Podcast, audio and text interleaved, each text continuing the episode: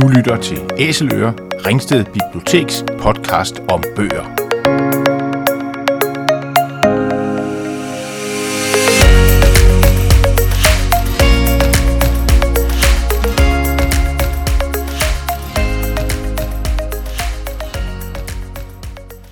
God aften, og øh, velkommen til Æseløer Live. I øh, aftens Æseløer Live, der har vi besøg af forfatteren Peter Øvig Knudsen. Velkommen til dig. Tak for det. Jeg hedder Sanne, og jeg er vært på Æseløer sammen med min kollega. Og jeg hedder Morten. Vi skal tale om øh, tre bøger fra dit forfatterskab. Det er nogen, som Sanne og jeg har valgt ud. Det er jo et stort forfatterskab, så vi har plukket tre bøger ud, som vi taler om. Og så har vi stillet dig den opgave at vælge tre bøger, som har gjort indtryk på dig, enten som, som læser, eller som forfatter, eller begge dele. Før vi går i gang, så vil jeg lige præsentere dig helt kort. Du er født i Aarhus. Jeg er faktisk også født i Aarhus. Og vores forrige gæst, Sissel Kassan, var også fra Aarhus, så der er ligesom et mønster, kan man fornemme her. Du er også uddannet som journalist i Aarhus i 87. arbejder på forskellige aviser. Herunder det legendariske månedsbladet Pres, det må man ikke glemme. Og i dit arbejde som journalist, så har du inspireret, en sådan, eksperimenteret meget med interviewformen, og den bliver så senere et rigtig vigtigt værktøj for dig, da du begynder at arbejde som dokumentarist. Og det med det dokumentarisk tager form for alvor i starten af nullerne, hvor du begynder at gå dine egne veje som forfatter af bøger, der er med meget sådan utrolig grundighed afdækker vigtige begivenheder i dansk historie. Du skriver om stikkerdrab under besættelsen og om Gestapos danske torturbødel i Birkedal. Men du skriver et sted, at du vil ikke være ham, der skriver om besættelsen. Og så begynder du at grave i sagen om Blikkingadbanden, og det bliver til to tykke bøger, som vi skal tale om om lidt, nogle af dem, vi har valgt. Du fortsætter, du skriver historien om hippier i Thylejren og om besætbevægelsen i København. Og for alle de her bøger, du har skrevet, der har du fået en lang række flotte priser. Jeg vil bare lige nævne et par af dem, nemlig øh, Rosenkær-prisen og Kavlingprisen. Det er jo nogle af de store danske priser. Og vi kan også lige snige ind her, at du jo også har skrevet en skønlitterær roman, og har lavet tv og dokumentarfilm også. Men i de seneste år, der har du vendt blikket indad mod dig selv og din egen historie. Og du har i bogen Min mor var besat skrevet om, hvordan det var at være barn af en psykisk syg mor. I efterfølgeren, som hænger lidt sammen med den, så i den seneste bog, jeg har været husker, der skriver om dit eget møde med depression og elektroshock. Og den bog starter vi med at tale om. Og det er dig, Sanne, der har læst den. Ja. Det er sådan, når, øh, når vi har forfatterbesøg i Æseløre, at vi starter altid med forfatterens nyeste bog. Fordi så er der noget, øh, noget aktuelt at, at tage fat på. Og det er den, der hedder Jeg er, hvad jeg husker. Jeg ved ikke, hvor mange af jer, der, øh, der har læst den. Men den hænger i virkeligheden næsten uløseligt sammen med den, der kom før, der som Morten sagde hedder Min mor var besat.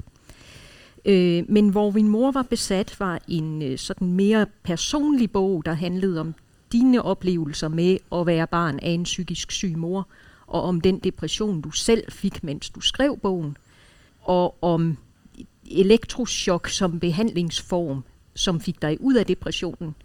Der er jeg, er hvad jeg husker, en mere, mere en, en, en, en historie, en bog, der behandler historien om psykiatrien du er ude og snakke med psykiater, og du, er, du fortæller historier fra, hvordan er psykiatrien opstået, hvad er det for nogle idéer, den er kommet af, hvordan har det udviklet sig igennem tiden. Og så har den også et spor, som jeg synes er noget af det fantastiske ved den her bog, hvor du behandler det her med elektrochok som behandlingsform.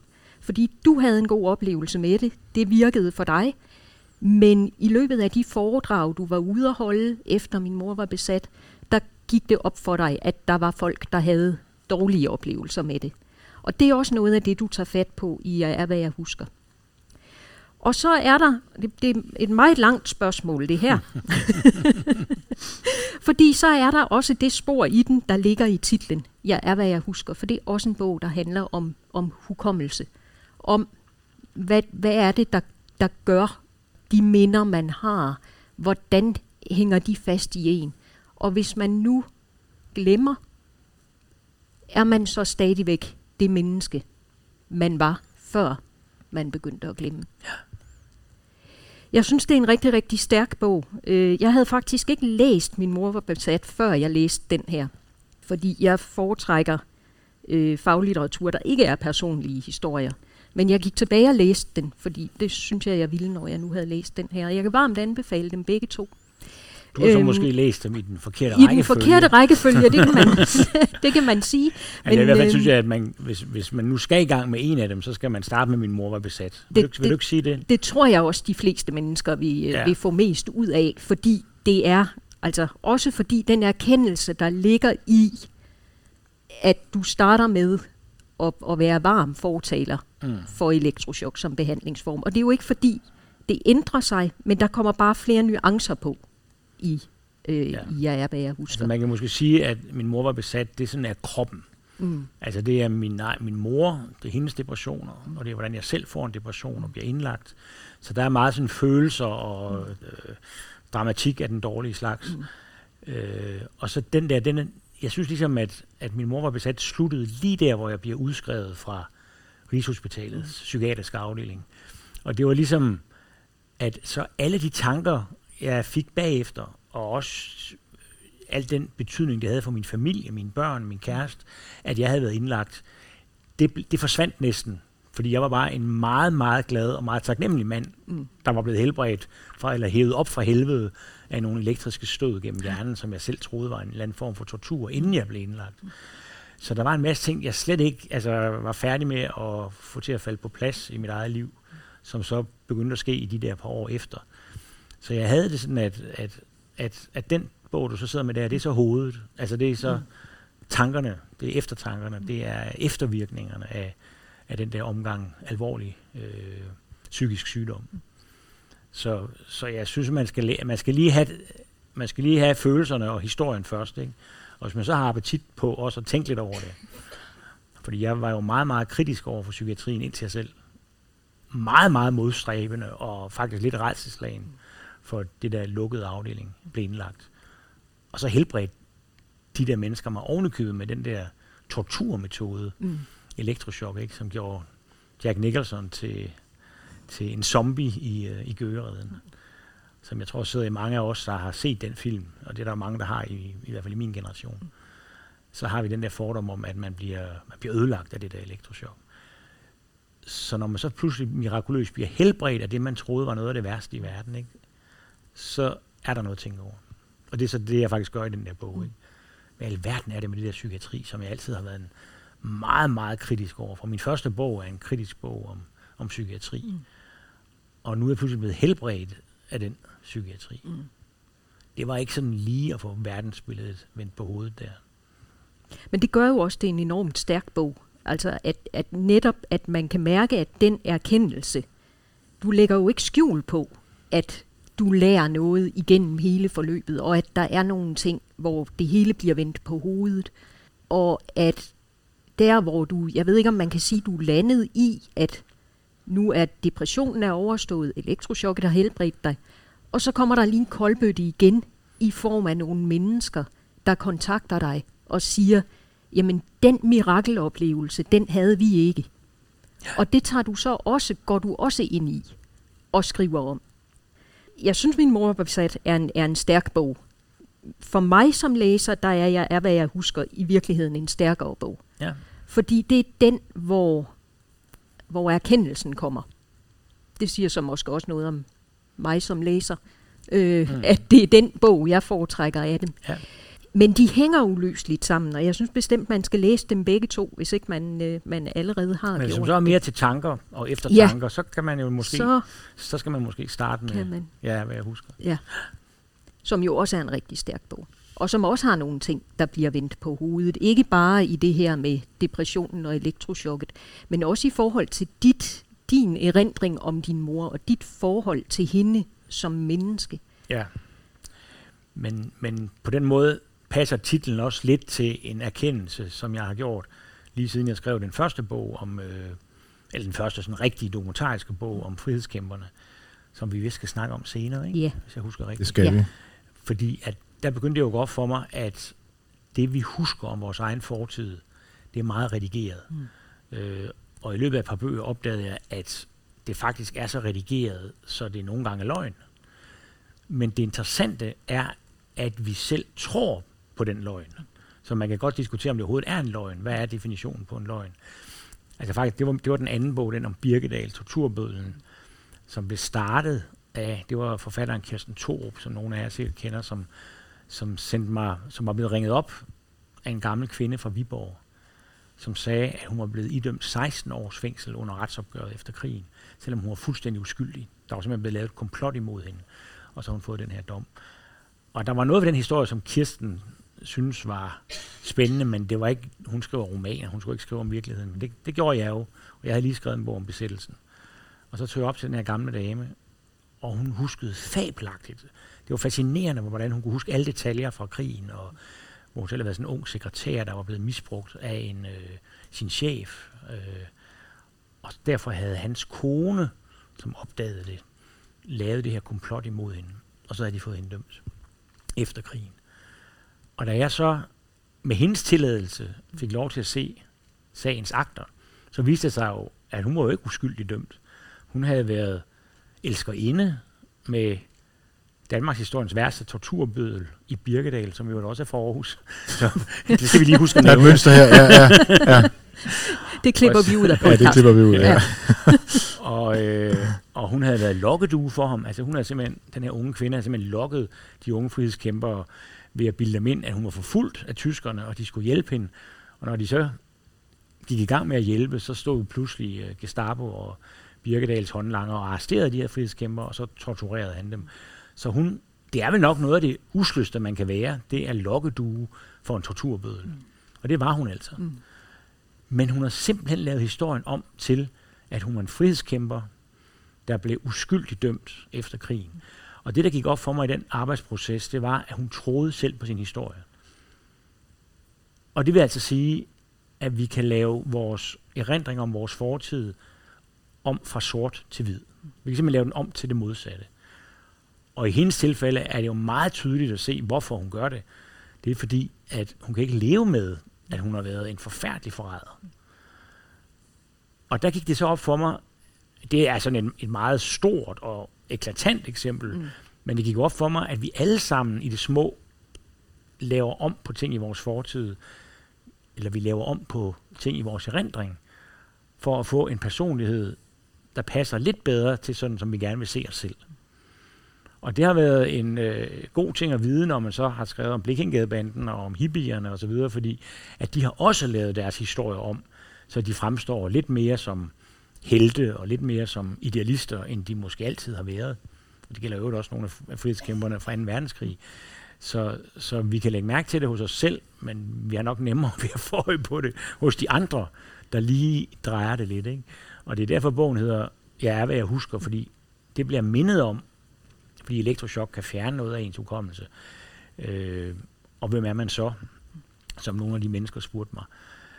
Men det, det er noget, der i virkeligheden er en erfaring gennem 20 års arbejde med dokumentarisme, at vi laver vores, at vores identitet og vores erindring, de falder sådan ret meget sammen.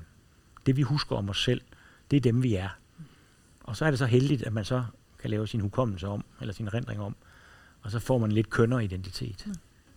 Og for de fleste af os, der er det forhåbentlig bare fra noget lidt gråsmusigt til noget lidt mindre gråsmusigt. Ja, det Men har vi jo så nogle gange lidt svært nogen, ved at vide, fordi ja. at øh, når vi har lavet vores hukommelse om, så tror vi jo fuldt og fast ja. på, at det vi husker faktisk er rigtigt. Ja.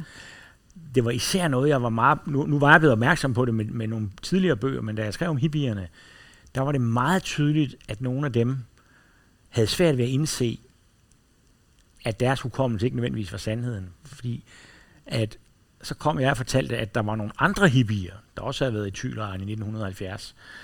Og de huskede altså den samme begivenhed modsat. Ja. Mm, og så blev de ved med at sige, at det kunne være veluddannede, begavede mennesker, der så altså med stigende aggression sagde til mig, hvad er du ude på? Altså, jeg var der selv. Ja. Jeg kan huske det. Ikke? Ja. Jo, men altså, der er bare nogle andre, der husker noget andet. Jamen, du må da stole på mig. Ikke? Fordi man tror, vi er meget lidt kritiske over for vores egen hukommelse. Og prøv lige at lægge mærke til, hvor tit I lige kommer op og diskuterer med jeres datter, eller jeres bror, eller jeres ægtefælle, og så siger den ene, ej, det har jeg da aldrig sagt. Og så siger I, jamen det har du da sagt, det kan jeg da huske. Ikke? Og så kører den, og man er helt sikker på, at det man selv husker, er det rigtige. Og jeg har jo så også, i, i arbejdet med den der bog, opdagede jeg jo så også, at, at jeg gør det selv. Surprise. Fordi at jeg har egentlig en selvforståelse af, at jeg altid har været meget åben om, at jeg har lidt af depressioner. Åben omkring, at jeg har lidt af psykisk sygdom.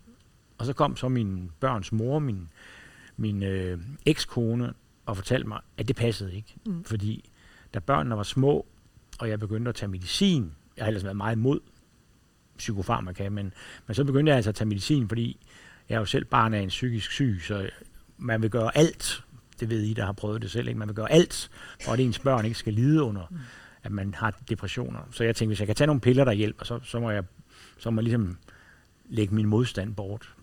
Men ikke desto mindre var det noget, jeg holdt fuldstændig for mig selv. Både at jeg var, altså ikke alene, at jeg var begyndt at tage psykofarmaka, men også at jeg det hele taget led af depressioner. Mm. Og jeg forbød min kone at sige det til nogen. Mm. Og det huskede hun meget tydeligt, fordi det betød, at når jeg havde en, de- en, en depression, og hun ikke kunne tage væk og overlade børnene til mig, så hun var nødt til, at hun var forsker, så hun var nødt til at sige, melde fra til en konference for eksempel, så var hun nødt til at finde på en løgn. Mm. Fordi hun måtte ikke sige til nogen, at jeg havde en depression.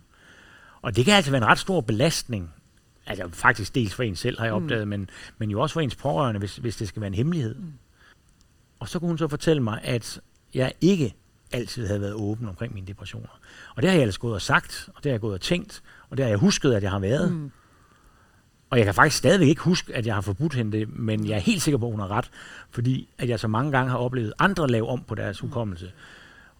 Og jeg kan jo ret tydeligt se mit eget motiv for at redigere min hukommelse, når det handler om, at jeg gerne vil fremstå som en, der er åben omkring psykisk sygdom. Altså, så, så kan jeg godt se, at det er den vej, jeg har, at jeg har visket min, eller redigeret rundt med min, øh, med min erindring. Og det er helt sikkert hende, der husker rigtigt. Mm. Så det har jeg sagt undskyld for.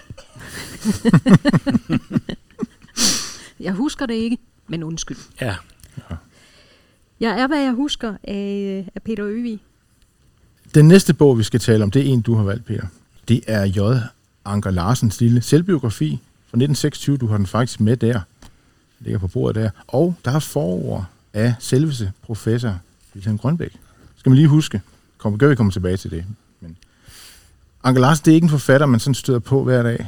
Øhm, han øh, var ret stor der i 20'erne. Han vandt en stor konkurrence, Gyldendals øh, litteraturpris 1923 for en roman, der hedder De Vise Sten, som handler om, og det gør meget i hans forfatterskab, om spirituelt søgende mennesker. Det her det er så tre drenge, der vokser op, og så udvikler sig forskellige åndelige retninger. Tager nogle, nogle rejser der.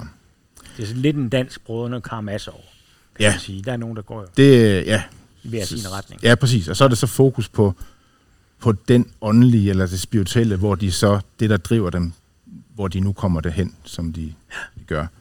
Øh, I den her, øh, som er en, øh, ja, det er jo en, en, en biografi, selvbiografi, meget lille, meget ydmyg bog også, mm. øh, der får vi så øh, lændet lidt på det her, øh, hvad skal man sige, baggrunden for at skrive de her religiøse bøger, eller ikke religiøse, sådan et mærkeligt ord, spirituelle bøger, åndelige bøger, øh, som altid har udgang i noget mystisk. Altså i, øh, altså, og der skal vi forstå mystisk, altså ikke sådan underligt, men mystisk i sådan en religiøs forstand, altså en form for, øh, man typisk har man sådan en skælden mellem, der er to verdener, kender lidt fra Platon, hvor vi har idéernes verden, og så har vi vores egen verden, fænomenernes verden, og, og mystikernes opgave eller praksis er så, og det har man set mange steder rundt om i kultur, det er at transcendere vores almindelige verden, få adgang, få indsigt i idéernes verden, som er den rene verden, hvor der er en samhørighed, åbenhed og en forklarelse af nogle fænomener, som selvfølgelig gør os mere, hvad skal man sige, øh, udrustet til at leve i vores almindelige verden, den vi sidder i nu. Da vi skrev til dig, Peter, så, øh, så bad vi dig om at vælge de her bøger, og så skrev du så tilbage, du skrev, om det religiøse har jeg fundet inspiration i den gamle danske forfatter J. Anker Larsen. Hans lille bog for åben dør er for eksempel rigtig fin. Og hvis vi starter her, mm. hvad er det så for en inspiration, du finder i, i det her gamle, fine værk? Det er en bog, som jeg fik anbefalet af en, øh, en af de hippier, jeg mødte, da jeg lige efter gymnasiet, det har været i starten af 80'erne, gik på Stor Rastrup Højskole, som ikke findes længere. Den lå oppe ved Limfjorden. Og det var sådan en sjov blanding af noget meget venstreorienteret marxistisk, og der havde jeg selv været, det havde jeg ligesom sådan en fundamentalistisk marxisme havde jeg på en eller anden måde lagt bag mig, eller var blevet skuffet over at opdage, at det havde ikke meget med det der demokrati at gøre, jeg troede, det var. Øh, og så kom jeg op og mødte hippierne for første gang. Jeg kommer fra sådan et parcelhus øh, forstad til Aarhus. Og, øh, og hippie-filosofien, som jeg så mødte der, og det var nogle ægte hippier. Det var nogen, der havde taget det LSD, der skulle tages i 1967 og så videre. øh, og, og, og de har jo så bredt sig ud over Danmark, og nu et par stykker af dem er altså landet deroppe ved Limfjorden på en højskole. Og øh, det var på at møde hippie-filosofien, som jeg har jo skrevet to tykke bøger om, så det skal jeg ikke øh, redegøre meget langt for her, men, men at møde hippie-filosofien var ligesom at møde et verdensbillede, der var alt det modsatte af mine forældres.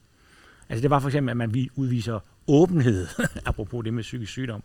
Man fortæller åbent om sig selv, øh, og man øh, holder nogle gode fester, og man, øh, altså hvad skal man sige, man, det, det er åbenhed i modsætning til lukkethed, hvis man skal sige det på en meget kort måde. Det er også anti-autoritet i modsætning til autoritet. Øh, så, så jeg vil egentlig sige, at jeg fik støtte til en intuition, jeg selv havde om, at jeg skulle gøre det modsatte af især min mor. Øh, jeg ville meget, meget nøde ende som min mor, som ligesom sad og var et offer i en vener, læne, veners bamsestol derhjemme i hjørnet af sofaen, og havde uendelig ondt af sig selv år efter år. Og det var ligesom mit skræmmebillede. Jeg var også bange for selv at få depressioner. Og hippierne kom så med det verdensbillede, der på en eller anden måde passede til det modsatte af min mor. Og, øh, og det inkluderede også en åbning til det religiøse. Altså jeg, jeg opfatter faktisk hippiebevægelsen som en religiøs bevægelse, eller spirituel bevægelse. Og deres sakramenter var jo så LSD, som giver en meget kraftig, eller for, sådan som de beskriver det, jeg har ikke selv taget LSD, beskriver det som en meget kraftig religiøs oplevelse. Men jo ikke, og det er det, der er pointen med J. Anker Larsen, det er ikke en oplevelse, der passer ind i en religion. Og jeg mødte senere øh, filosofen og forfatteren Willy Sørensen, som jo ikke er hippie på nogen måde, men han var i dialog med hippierne.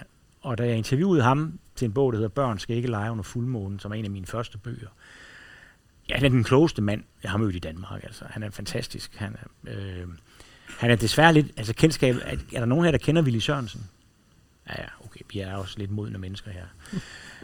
Jeg kan bare sige, at hos yngre mennesker, der er han altså desværre ved at... Det, selv Claus Riffbjerg er jo ved at forsvinde blandt øh, yngre mennesker. De var sådan en makkerpar, Willy Sørensen og, og Claus Riffbjerg. Willy Sørensen sagde til mig, religioner, det har fanden skabt. Og han var et meget religiøst menneske. Men han præciserede det der, som hippierne sagde, nemlig at en, den religiøse oplevelse af en hver enkelt menneske har, det er ikke noget, man melder sig ind i en eller anden sekt eller religion eller sådan noget. Tværtimod, så er det lidt lattervækkende, kan man måske sige, at man tror, at man i ord og dogmer og bibler og i gudstjenester kan fange, hvad det religiøse er. Altså det er selvfølgelig meget, meget, meget større, end noget menneske kan forstå og sætte i ord. Øh, og der, jeg, der fik en af hippierne gav mig så den her bog. Jeg tror faktisk, han har købt den i et antikvariat. Jeg ved ikke, hvorfor, hvorfor der er nogle streger henover. Det er der ikke originalt. Øh, og det er jo en mand, der beskriver sin egen religiøse oplevelse, og som præciserer, at det værste, man kan gøre, det er at sætte dem ind i religiøse dogmer. Må jeg, må jeg læse en lille smule Meget gerne, ja, absolut. Fordi slutningen på bogen var altså faktisk den, som især har gjort indtryk på mig. Og det er bare sådan en lille bitte historie. Den fylder en side, så det tager ikke, det tager ikke langt, mindre end en side. Meget gerne. Jeg tror ikke, han er blevet læst op i meget længe. Altså, det tror jeg så. heller ikke. Nej, der er nogen her, der har hørt om J. Anker Larsen. Nej, der er ikke en eneste. Det, øh, ja. Altså, øh, jeg har, hvis jeg lige må ja, byde dejligt. hurtigt ind, ja. og, øh, og det, jeg har aldrig læst ham, men da min mor døde i 99, og vi ryddede hendes bogreol, der stod der en masse af hans bøger. Og jeg kan huske, at jeg tænkte, hvad var det? Og så røg det til Røde Korsbutikken, ligesom ja. så meget af det andet. Og så har jeg faktisk stort set ikke tænkt over ham, før den lige pludselig dukkede op i din mail, at, øh, at ham havde du hentet inspiration i. Ja. Så jeg tænker, nu skal jeg have fat i det og have, og have det læst, fordi nu skal jeg da finde ud af, hvad det var. Altså det her Både er du på, og min mormor. På 77,5 side, så den er hurtig, ja. uh, hurtig at læse. Ja. Nu får I lige den sidste side her, og den handler om det latterlige ved religionerne. Gennem en historie om en skøjteløbermester en skøjteløbermester stod og talte med en flok drenge. Hvor kan du, sagde de. Hvordan bærer du dig ad? Han gav sig til at forklare, og de gik siden til søen og tog skøjter på. Straks de kom ud på isen, faldt den første. Du bar dig ikke rigtig ad, sagde en. Mesterens ord var klare, og han mente sådan og sådan. Nej, sagde en anden. Mesterens ord var klare, og han mente sådan og sådan. De skændtes om det. Siden sloges de. Til sidst lå de på isen med blødende næser, og ingen var kommet af stedet. Dette er al teologis historie. Man kan også sige, det er al religionshistorie. Men et par stykker havde stået forsigtigt på begge ben. Pludselig, enten det nu kom af en bevægelse i dem selv, eller af et vindpust udefra, gled de et lille stykke hen over isen. Varsomt gav de efter for en indre fornemmelse af, hvordan det skulle være, og langsomt fandt de balancen. De løb så småt. De så lykkeligt overrasket på hinanden og udbrød, ja, det var jo sådan, mesteren sagde. For hver ny frihed, de således vandt, sandede de mesterens ord. De oplevede dem jo.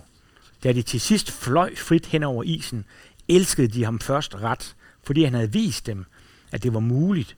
Uden hans eksempel havde de aldrig våget at tro det. Jo mere de kom til at ligne ham, jo mindre de behøvede at tænke over hans lære, desto inderligere kom de til at elske ham. Dette er evighedsoplevernes levnedsløb. Altså, J. Anker Larsen kalder den frie spirituelle øh, oplevelse for en evighedsoplevelse. Han oplever det evigheden, der ligesom kigger på ham. Så han kalder os, der ikke har en bestemt religion, men er religiøse, hvad der tit kan være svært at forklare. Altså nu har jeg prøvet på det. Øh, så, så jeg er altså en evighedsoplever. Men det er jo også det, som nu øh, bed jeg mærke i, at der var forår af Wilhelm Grønbæk, som jo også er en af de sådan helt store danske, eller dengang var han øh, sådan religionshistoriker, som jo selv var mystiker, eller havde på samme måde, tænker jeg, som Anker Larsen, havde den der oplevelse af det evige, eller, eller det mystiske. Han kunne se, han havde fornemmelsen af det, at ligesom det er et sprog, der går igen på tværs af lande, kultur og tid, hvor man beskriver de her oplevelser. Og det er nogle gange, er det jo svært at få sproget til at række til at beskrive, fordi det bliver sådan noget med, jamen øh, tid og rum blev opløst, og jeg følte mig helt let og, og, og sådan noget, øh, som man tænker, ja, det er måske meget fint, ikke? Ja. Men altså, men det er jo en konkret oplevelse, og for han beskriver, at det er jo en oplevelse, der har præget hans liv igennem hele hans liv. har en ret tidlig oplevelse i sin barndom af den her, og det er jo sådan en natur, altså oplevelse i naturen, mm. hvor han får den fornemmelse af at at de her øh, kategorier, kan man kalde dem, øh, tid og rum og personlighed og hvad der ellers er, dualisme, ligesom bliver, bliver fjernet. Og han giver også et fint billede i bogen med, med de her politibetjente, der giver os håndjern på.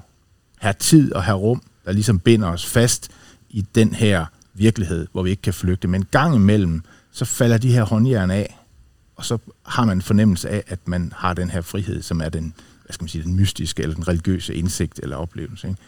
Øh, og, og det, er jo, det er jo interessant det her, fordi det er jo noget, der på tværs af alle skæld er noget, som folk kan opleve og kan måske fortælle hinanden, hvis man har det her sprog. Og nogle gange er det jo en form for religiøs sprog, eller, eller et mystisk sprog, nogle, nogle systemer, man kan sammenligne, og man ligesom kan, kan måske gennem, ja, som du nævnte, stoffer eller meditation, eller gå en tur i skoven, op, opsøge det, kan komme tilbage til de her øjeblikke, jo, som er flygtige, men som er det, der måske får os igennem vores nogle gange skyggefulde virkelighed. Ikke? Der er en anden forfatter, som også var en slags faderfigur for hippierne, som er øh, Aldous Huxley.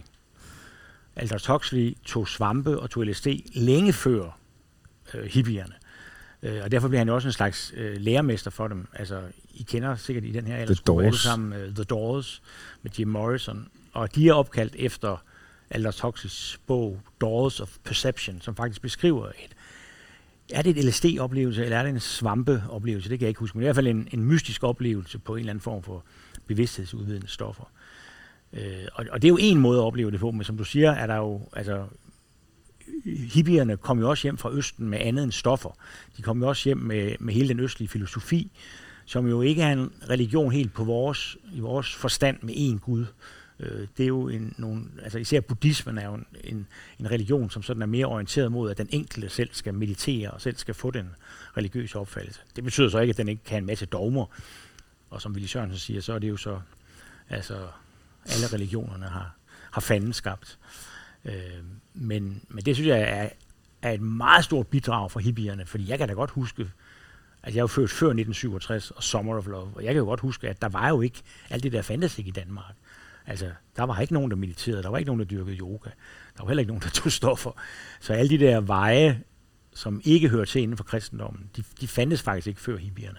Så alle metoderne til at få sin egen evighedsoplevelse, har hippierne jo været med til at, at introducere i Danmark. Men er det noget, du sådan har... Øh, har du haft en oplevelse, eller har du læst bogen, og så ligesom... Hvordan dyrker du den her spiritualitet eller åndelighed i, i dit liv, eller har... Altså, jeg har også prøvet nogle forskellige stoffer og haft religiøse oplevelser den vej, men jeg tror egentlig, at, at jeg mere...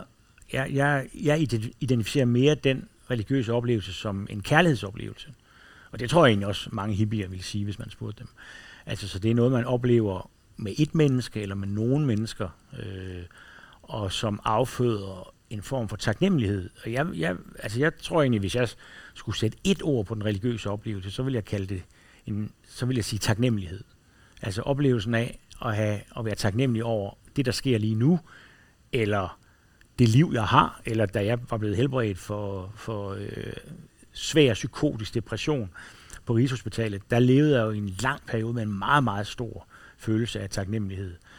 Og det, jeg var selvfølgelig taknemmelig over for psykiaterne og, og, og det andet personale på Rigshospitalet, men det var også mere end det. Det var en følelse af, at, at, øh, at jeg havde fået en anden form for noget, eller nådegave, ikke? som sådan et religiøst begreb for, at, at, at, at der er sket noget godt for en, øh, som ikke lige kan forklares starten er jo en lang undskyldning for overhovedet at begive sig ud i at fortælle om det her, mm. og, og ordet jeg kan jo næsten ikke tage i sin mund. Altså, han, han er meget ydmyg, han er jo ikke sådan en guru, der ligesom skal forklare. Nej, nej. det er også derfor, jeg godt kan lide ham. Præcis, og det kan, ja. det kan jeg godt forestille mig, fordi ja. det, det er jo meget vigtigt det der med, at det, at, at, at det, er, jo, det er også der, man, man kan prøve at forstå, jamen, øh, det, han det han beskriver er ret enkle ting. Det er noget, der er nogle bestemte, der er noget ordbrug omkring det, men det er noget, som alle kan opleve. Ja. Øh, og det kræver ikke stoffer kan man sige. Altså, nej, det kræver overhovedet ikke stoffer. Det, og, og når du, når du, når det er godt, du lige går opmærksom på det der med jeget, fordi det, der ofte sker, hvis man nu har fjernet religionerne, der har jo også været nogle præster eller biskopper eller sådan noget, der har ligesom har sat sig på det religiøse, men det har været sådan en mere overordnet forstand. Så har der jo så i den bølge, der har været bagefter, den hed New Age i 80'erne, og jeg var meget, meget aktiv og ude og undersøge det hele. Og så opdagede jeg jo, at, at mange af de mennesker, der, der ligesom blev til guruer, øh, de var jo det, man dengang kaldte ramt af egoinflation. Altså det blev ligesom meget, det, så blev det så dem, man skulle se op til. Så var det så dem, der personligt blev autoriteten i stedet for religionen. Og det var jo ikke det, der var meningen. Det var sådan set heller ikke det, øh, hippierne eller J. Anker Larsen for den sags skyld. Det var ikke det, det de havde tænkt. Øh, og der, jeg tror, det var Willy Sørensen, der, der har sagt det der med, at om det religiøse, at øh, dem, der taler om det, ved ingenting. Og dem, der ved noget, taler ikke om det. Så, så snart der er en, der, der står på en talerstol og siger en hel masse om, hvad, for, hvad det religiøse går ud på, så, så kan man godt være en lille smule skeptisk. Ikke? Fordi det er faktisk noget, der næsten ikke kan sættes ord på. Det er noget, man nok selv skal opleve. Ja. Men derimod kan man jo godt hjælpe folk med at, at, at vende blikket den rigtige vej, eller anvise nogle teknikker, men der er ikke, man skal ikke tro, at der er nogen, der, der ved, hvad det religiøse er, eller hvad, hvad Gud er. Selvom der er rigtig, rigtig mange, der sælger bøger om det, eller ja. holder gudstjenester om det. Ja. Men det er jo også det der, du siger, dem, der, der fortæller om det, ved ikke noget om dem, der ikke siger noget, de ved det. Det, det er jo også sådan en koan, eller sådan en, hvad skal man sige, et paradoks, som er med ja. til at lukke det her svære op, ligesom at kunne forstå det. Ja. Fordi man, andre har beskrevet det som om, man, man, man forstår det som ligesom hvis du, hvis du har en gåde, som du pusler med og ikke kan finde ud af det, og pludselig så finder du ud af, at ja, det er jo sådan, det er. Ikke? Og det er jo sådan lidt den måde, man oplever det på, tænker jeg, at man pludselig er det der, og så, nå ja, så er det jo selvfølgelig, er det sådan, ikke? Altså, det, hvordan kunne jeg ikke, altså før, ikke? Det er sådan, og det er vel også med til at åbne øhm, ens bevidsthed over for øh, forskellighed, ikke? At jamen, folk kan have forskellige syn på ting, ikke? Fordi, øhm, som sagt, øh, der er en større virkelighed, ikke? Hvor der... Ja. Så, øhm, og her er det, de her unge skøjteløbere, de kommer op og slås om, hvad det var, mesteren sagde, ikke? Og det er jo et billede på alle de stridigheder, der har været om inden for religionerne, om den rette fortolkning, men jo også mellem religionerne. Og, og det, i sidste ende er det jo religionskrige, vi taler om. Det er ja. jo folkedrab, det er jo altså frygtelige begivenheder i verdenshistorien, som øh, vokser ud af og strides om, hvad der er den rigtige opfattelse af Gud eller af, af det religiøse. Og det er jo så, nu gentager jeg lige for tredje gang, det er jo derfor, Willy Sørensen siger, religioner, dem har fanden skabt. Spændende at snakke om, og, og igen, vi giver lidt liv til en gammel bog, det kan vi godt lide her i biblioteket. Ja. Så, så tak for den anbefaling. Sande, vi har en bog mere på øh, programmet. Ja, jeg ved ikke, det er måske lidt svært at lave den elegante overgang der, så jeg tror bare, vi griber, vi har en bog mere på programmet. Om liv og død. Øh, I flugten. Om liv og død, det er rigtigt. Øh, det, er, øh, det er endnu en af dine bøger, og det er den, der hedder Efter drabet.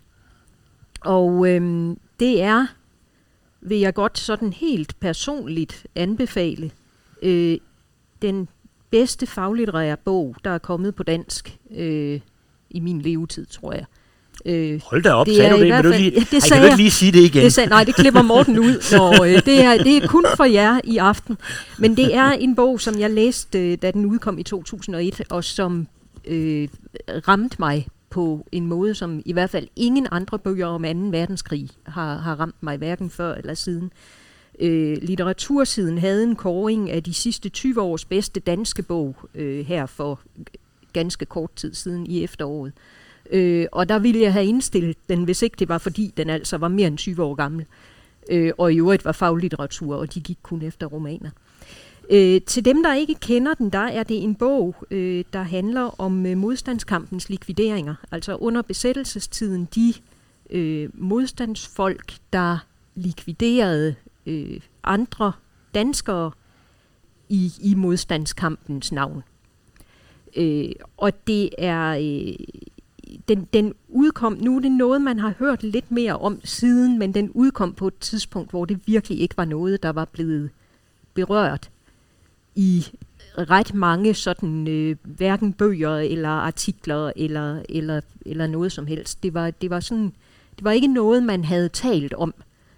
Både fordi, øh, og det afdækker du jo så også lidt i bogen, at, at der har simpelthen været kræfter øh, efter besættelsen, der har ønsket, at det skulle ikke omtales, fordi man skulle have en opfattelse af modstandskampen som noget meget, meget helt modigt.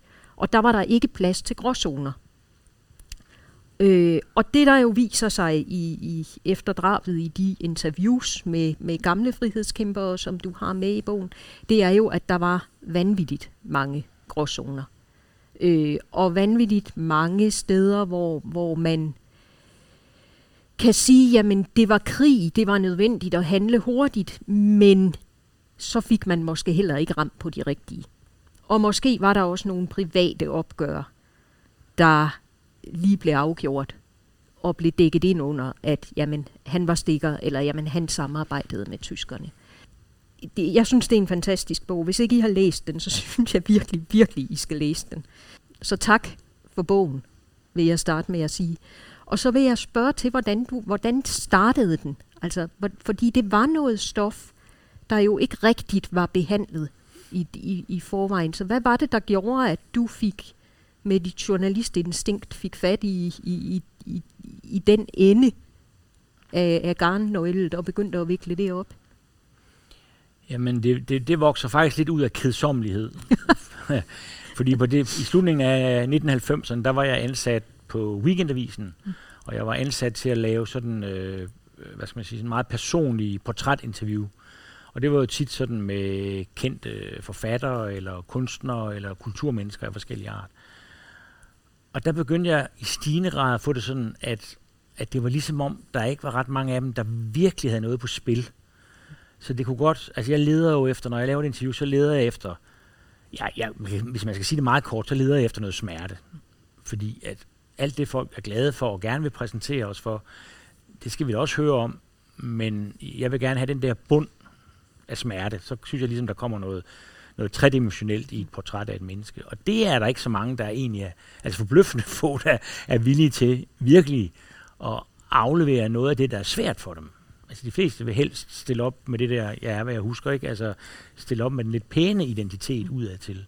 Og kunstnere er jo også mennesker, eller jeg er jo også et menneske, der har en forretning. Jeg skal sælge nogle bøger. Og så er man måske bange for, at hvis man siger noget, at man, at man ikke har styr på det hele, så, så kan det gå ud over forretningen.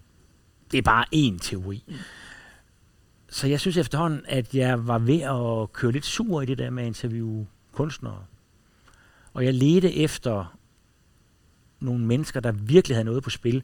Og weekendavisen var ikke sådan et sted, hvor man kunne interviewe en bistandsklient. Altså det var der ikke rigtig efterspørgsel efter.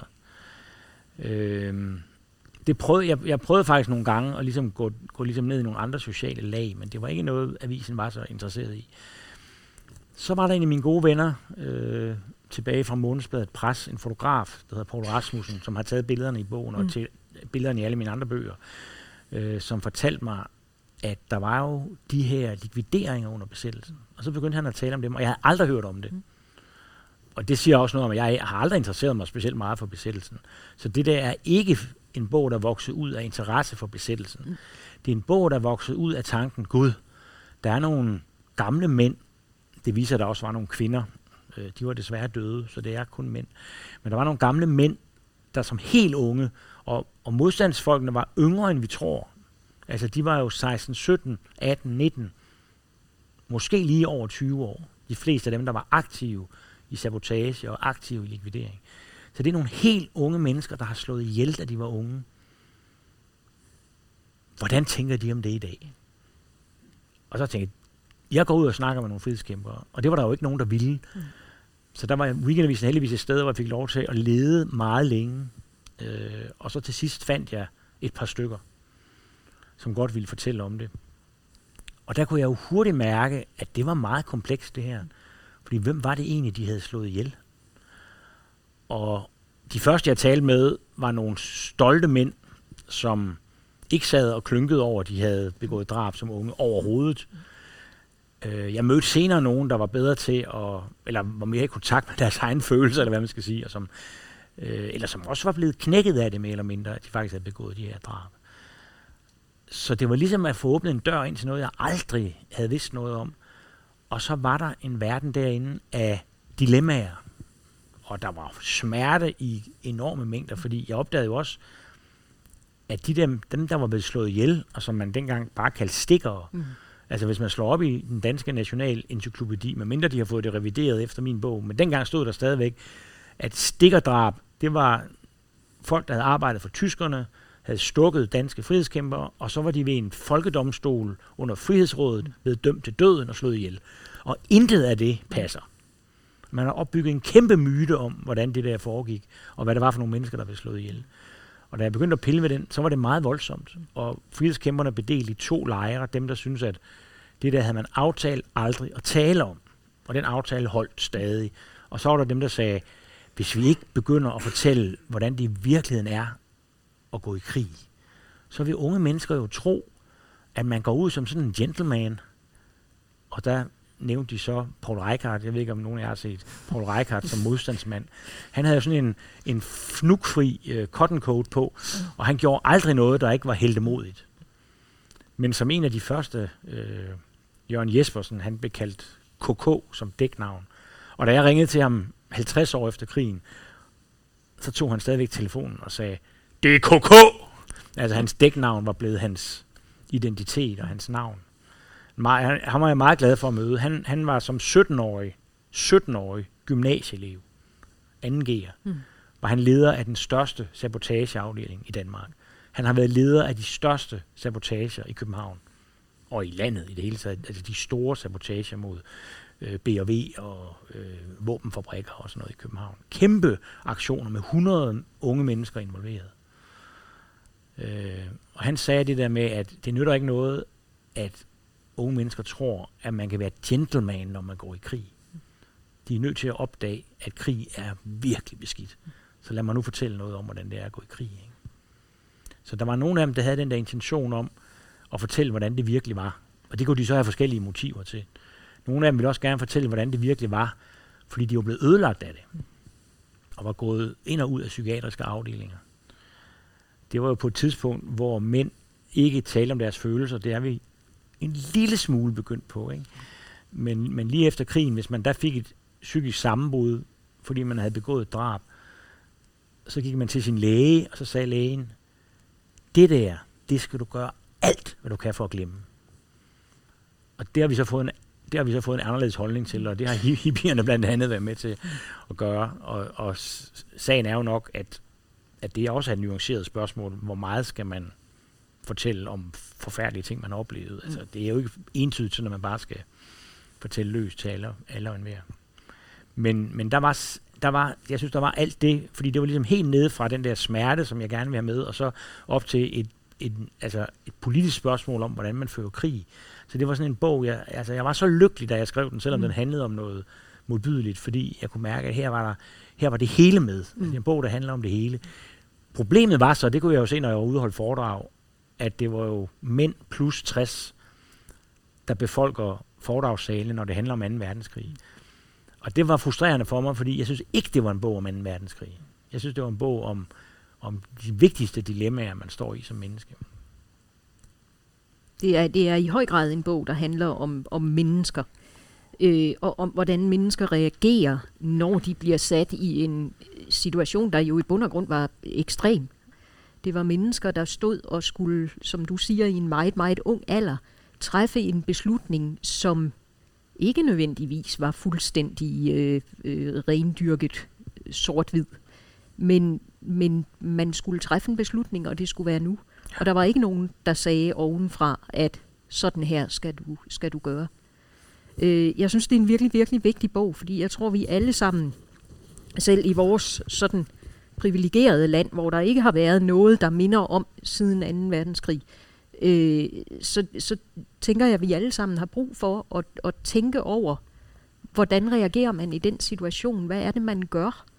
Hvordan reagerer man bagefter? Hvordan er det, man behandler at have været igennem sådan noget? Og nu tænker jeg ikke bare på individplan, mm. jeg tænker også på, at vi jo som samfund, og nu siger jeg vi, men i, altså de som samfund, dengang, for ingen af os var jo del af det, men, men behandlede det på den måde, at man sagde, at det her er en heltefortælling, mm. og der er ikke plads til gråzoner. Øh, det, det tror jeg også gør, at det er en rigtig, rigtig vigtig bog. Øh, så jeg, jeg er, og det fremgår jo tydeligt, meget begejstret for den. Og det er jeg stadigvæk. Nu genlæste jeg den til, øh, til i dag. Øh, gen, gen, genlæste den er det nok i virkeligheden, og den er stadigvæk god. Så den anbefaler jeg virkelig, virkelig varmt. Tak. Jeg kan ikke helt slippe den, fordi jeg er meget... Altså, det er også en bog, der betyder rigtig meget for mig. Mm. Der er specielt en scene i den. Jeg kan ikke huske, om det egentlig er i den film. Der blev lavet en film også, mm.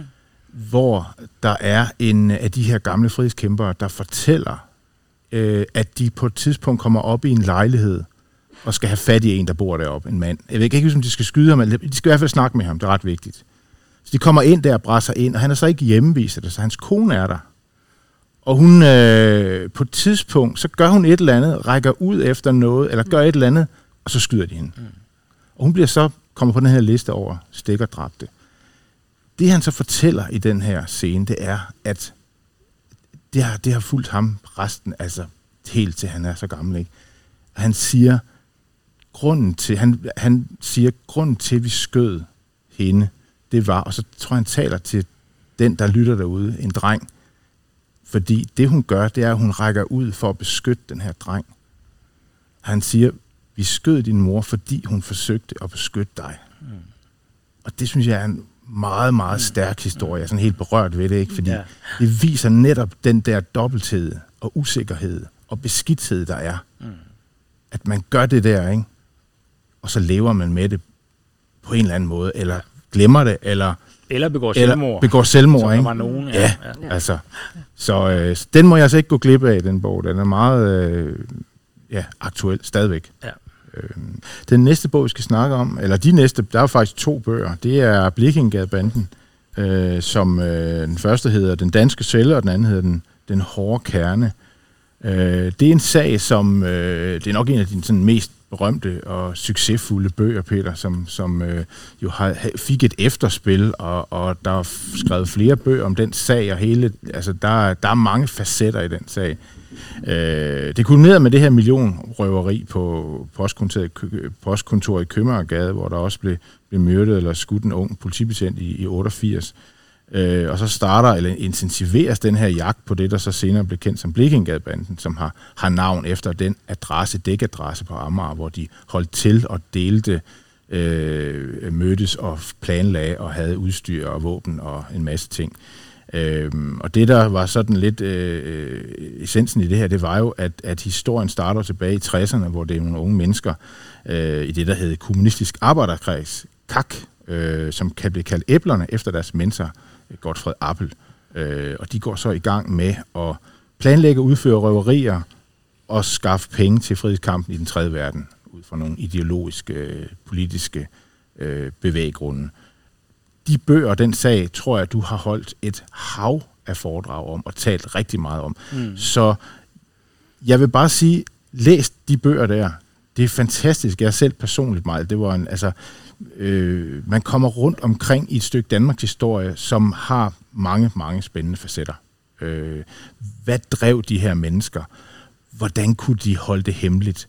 Og så videre, så videre. Men jeg vil egentlig spørge om noget andet. Jeg vil spørge, hvordan kom du igennem og strukturere arbejdet med så stort et stof? Altså, hvordan greb du det an?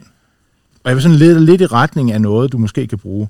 Fordi normale mennesker, nogen kan måske komme ud for at skulle skrive en større opgave og strukturere et mindre stof. Og så, jeg kan huske på universitetet, der blev jeg præsenteret for Umbertus Eco, den der hedder Kunst og Skrivespeciale.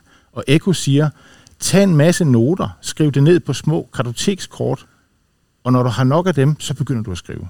Og så var der en anden bog, der hedder Den store opgave, Lotte Reiniger, der skrev, start med at skrive med det samme, skriv med det samme, samme noter, skriv, skriv, skriv. Hvad gør du?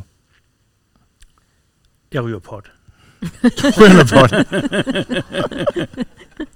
nu skulle det jo nøde blive et foredrag, der giver indtryk af, at jeg bruger, har et misbrug af euforiserende stoffer. Øh, og jeg bruger det faktisk ikke så meget længere til at skrive bøger, men, men lige med den der, og faktisk også med, med, med Birkedaler efter drabet, der, det var en periode, hvor mængden af informationer var helt kolossal. Altså, det materiale, jeg fik adgang til hos politiet i København, øh, det lå nede i anden kælder under politigården, som I kender, den der kæmpe store runde bygning. Og det var altså et lokale, der var lige så stort som det, vi sidder i, hvis nu siger herunder den her pyramide. Ikke? Og så var der, det var fyldt med reoler, øh, to og en halv meter op, ikke? og det var fyldt med dokumenter. Altså, det var en mængde af materiale, som, altså, hvis jeg havde set det i dag, så havde jeg bare gået ud igen og sagt, ej, jeg finder på noget andet, ikke? Altså, det var helt formidabelt. Øh, så jeg må have haft en eller anden enorm glød, da jeg gik i gang med det. Og, og, og så bliver det selvfølgelig, så organiserer man selvfølgelig, og jeg ikke, husker ikke særlig godt, så jeg skal hele tiden sørge for at øh, at skrive ned, og helst på computeren, så det er noget, man kan søge på. Fordi en ting er jo at skrive en note. Hvis, hvor ligger den note så henne? Ikke? Altså, så, så det skal helst være direkte ind på computeren. Men det er sådan set ikke det vigtige, fordi det vigtige er, at så gik jeg ret hurtigt i gang med at skrive, øh, da jeg havde besluttet, hvor jeg ville starte, nemlig med anholdelsen af, af Blekingadebanden. Og, øh, og så støder man jo på det problem, at, at det er så stort, så det er svært at finde ud af, hvordan man Altså, hvad, hvad, hvad skriver man så? Og hvad, øh, hvad skal man have med? Og der har det altså vist sig at være en god metode for mig, som jeg allerede havde brugt på de to bøger om besættelsestiden. At lægge mig i min hængekøje, og så har jeg sat noget god musik på, og så ryger jeg noget pot, som en jeg kender har dyrket. Jeg køber det ikke af rockerne. Øh, og så skete det gang på gang, at noget, jeg simpelthen ikke kunne få styr på, og noget, jeg ikke kunne få overblik over. Man kan måske sige, at det svarer lidt til at tage en helikopter, og så komme op, og så kigge ned på noget, og så kan man pludselig se nogle strukturer i det, og man kan se, at det derovre, det behøver man, den der bunke derovre, behøver man ikke røre mere ved.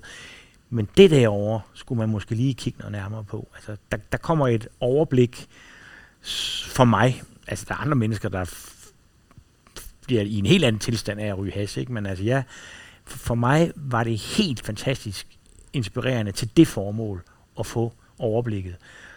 Og så, jeg skrev sådan set ikke noget ned, fordi når jeg er skæv, så kan jeg ikke rigtig skrive. Så det, så, så det begrænser jo mit forbrug, når jeg er forfatter. Øh, men, men, men hvis der virkelig var en idé, der var god, altså en, en indsigt, der var god, en løsning, der var god, så kunne jeg sagtens huske den næste dag. Og så viste det sig tit, at øh, så kunne jeg bare gå videre derfra. Og det er jo ikke en metode, man kan anbefale til unge mennesker. Altså, jeg har lidt et problem, når jeg får det spørgsmål, fordi enten skal jeg sige noget bla bla, ikke? eller også skal jeg sige, hvordan det virkelig var. Øh, og så er der måske nogen, der kan blive farvet over, at man opfordrer unge mennesker til at ryge på. Det gør jeg altså ikke. Nej, jeg, havde håbet på lidt opbyggeligt teknik, øh, Ja. metodeteknik. Jeg ved det godt, jeg ved det godt. øh, men, øh, men sådan er det altså ikke. Nej. Nej, for men det, det, det er fascinerende med de her bøger, eller det, det, det der er, det er jo, at, at det er jo ikke kedeligt, det er jo ikke opremsning af nogle arkivting, altså det er jo en fortælling om, at Ja. så, altså, som bliver kondenseret, ikke? Øh, Altså, man, kan, man kan måske også sige noget andet, øh, fordi jeg har nogle gange været ude og jeg har lavet interview i mange år. Øh, og det er jo også blevet ved med, fordi alle mine bøger er jo også baseret både på skriftlige kilder og arkiver, men også på interview. Øh, og, og det vigtige, når man har lavet et interview, det er jo, ja, når man laver interviewet, er det vigtigt at være sig selv og spørge ud fra sin egen nysgerrighed, og ikke ud fra en hel masse, man har skrevet ned på et stykke papir, eller, altså det ser man jo i fjernsynet, at, at der er en, der bliver interviewet, der siger noget faktisk opsigtsvækkende, men tv-verden har slet ikke hørt efter. Men, så det kommer bare, ja. ja. stiller bare det næste spørgsmål, der er skrevet ned. Så, ikke? Så, så et interview er jo et spørgsmål om at være sig selv og være nærværende. Og på samme måde siger jeg så, hvis jeg underviser i at lave interview, når du kommer hjem, så brug kærestetesten, kalder jeg det. Fordi det er, du har lavet et interview, det du fortæller til din kæreste om det interview, når du kommer hjem, det er det, der er det vigtige. Det vigtige er ikke det, som du tror, at læseren vil høre, eller det, du har lært i en skole, eller det, du synes er politisk vigtigt, eller altså alt muligt uvedkommende forhold. Det, der er vigtigt, det er det, du fortæller til din kæreste, eller din, hvem du nu bor sammen med, eller hvem du møder en ven om eftermiddagen. Altså, det, det er det, der optager dig selv. Altså, så jeg bruger udelukkende mig selv. Jeg har altid, da jeg gik på journalisterskolen, protesteret mod målgrupper og den slags. Altså, jeg tror på, at man skal bruge sig selv. Jeg skriver bøger. Altså, jeg, når jeg får en idé til en bog, så er det, der afgør, om jeg skriver den bog, det er, om det kilder i maven. Det er ikke noget, jeg skal beslutte med mit hoved. Det er noget, jeg skal mærke en helt umiddelbar kropslig nysgerrighed i forhold til. Det er det, der skal drive værket. Ikke? Og på samme måde i hele arbejdsprocessen, jeg bruger mig selv. Jeg skriver ikke noget i en bog, fordi det skal med. Der er ikke noget pligt. Pligt er fuldstændig sat ud af kraft. Jeg skriver kun det, jeg synes er spændende. Det var måske et bedre svar end det. Det var meget bedre svar, ja. Det var meget bedre svar, ja. Vi kunne snakke meget længere om dem her, men ja. jeg, lad os hoppe videre. Ja. til den næste bog. Og, og helt øh, usædvanligt for Æseløre, så skal vi øh, frem til bog nummer 5 i samtalen, før vi har fat i den første øh, skønlitterære roman. Og Ja, og lige knap en roman, ikke? Eller hvad? Jo, men, men den er... Øh, jeg tror, forfatteren selv kalder den en roman. Ja. Øh, og den står på, på bibliotekerne som en roman. Det står faktisk på, øh, på forsiden. Ja, det kan, du jeg også se, det gør. Jeg opfatter det som sådan lidt en genre, eller Ja. en blanding af dokumentarisme og roman. Det er, øh, det er Delphine de Vegan, øh, Alt må vige for natten. Og øh, hun er en øh, fransk forfatterinde. Øh, bogen er fra, nu skal jeg lige kigge i mine noter, 2013 oprindeligt. Jeg tror, den blev oversat til dansk et par år efter, så den er kommet på dansk i sådan noget 2015-agtigt. Øh, og, og hun skriver baseret på sin egen familie og sin egen barndom, historien om sin mor som var vokset op i en øh, fransk, øh, sådan ret øh, frigjort familie. Jeg tror, der var ni børn, øh, og, og hendes mor var altså en af de ni. Hendes mor var lidt kendt som barn, fordi hun var meget smuk, så hun blev sådan en barnestjerne fotomodel, men voksede så op til en, øh, en, en psykisk sygdom, som det efterhånden i bogen øh, sådan viser sig nok har rod i barndommen. Med de der ni søskende og forældrene, der måske havde mere opmærksomhed på deres egne behov, end de havde på alle ni børn, og med nogle, øh, ja, nogle mønstre i familien, som man sådan stille og roligt får afsløret, har været barske forhold at, at vokse op under. Den er, den er speciel på den måde, at Delphine de Vegan skriver om sin mor. Hun skriver i virkeligheden ikke så meget om sig selv. Andet end når hun inddrager sine egne overvejelser om at skrive en bog om sin mor. Så jeg vil egentlig bare gerne sige, hvorfor har du valgt den? Og det, man kan sige, det er måske selvindlysende, for vi har lige siddet og snakket om den bog, du har skrevet om din mor. Men Ja. er det sådan, det hænger sammen? Eller? Altså det var det jo, for jeg læste den jo inden jeg, jeg havde en idé om at skrive en bog om min egen mor. Den idé fik jeg først, øh, da min mor døde. Men der havde jeg så faktisk også lige læst øh, Delphine de Vegans bog, min mor døde i, i 2016, så det kan godt passe, at jeg lige har læst den der. Øhm, altså, og, og den blev jo en kæmpe inspiration til min egen bog øh, om min mor. Og, øh, og det tror jeg, hvis man kigger på omslaget, kan man jo faktisk, nu sidder og kigger på omslaget, det kan man jo faktisk se, fordi hvis man tager, min mor var besat, ja, den der ligner den også lidt, men, men min mor var besat, Ja, det, det har de samme farver, samme. ikke?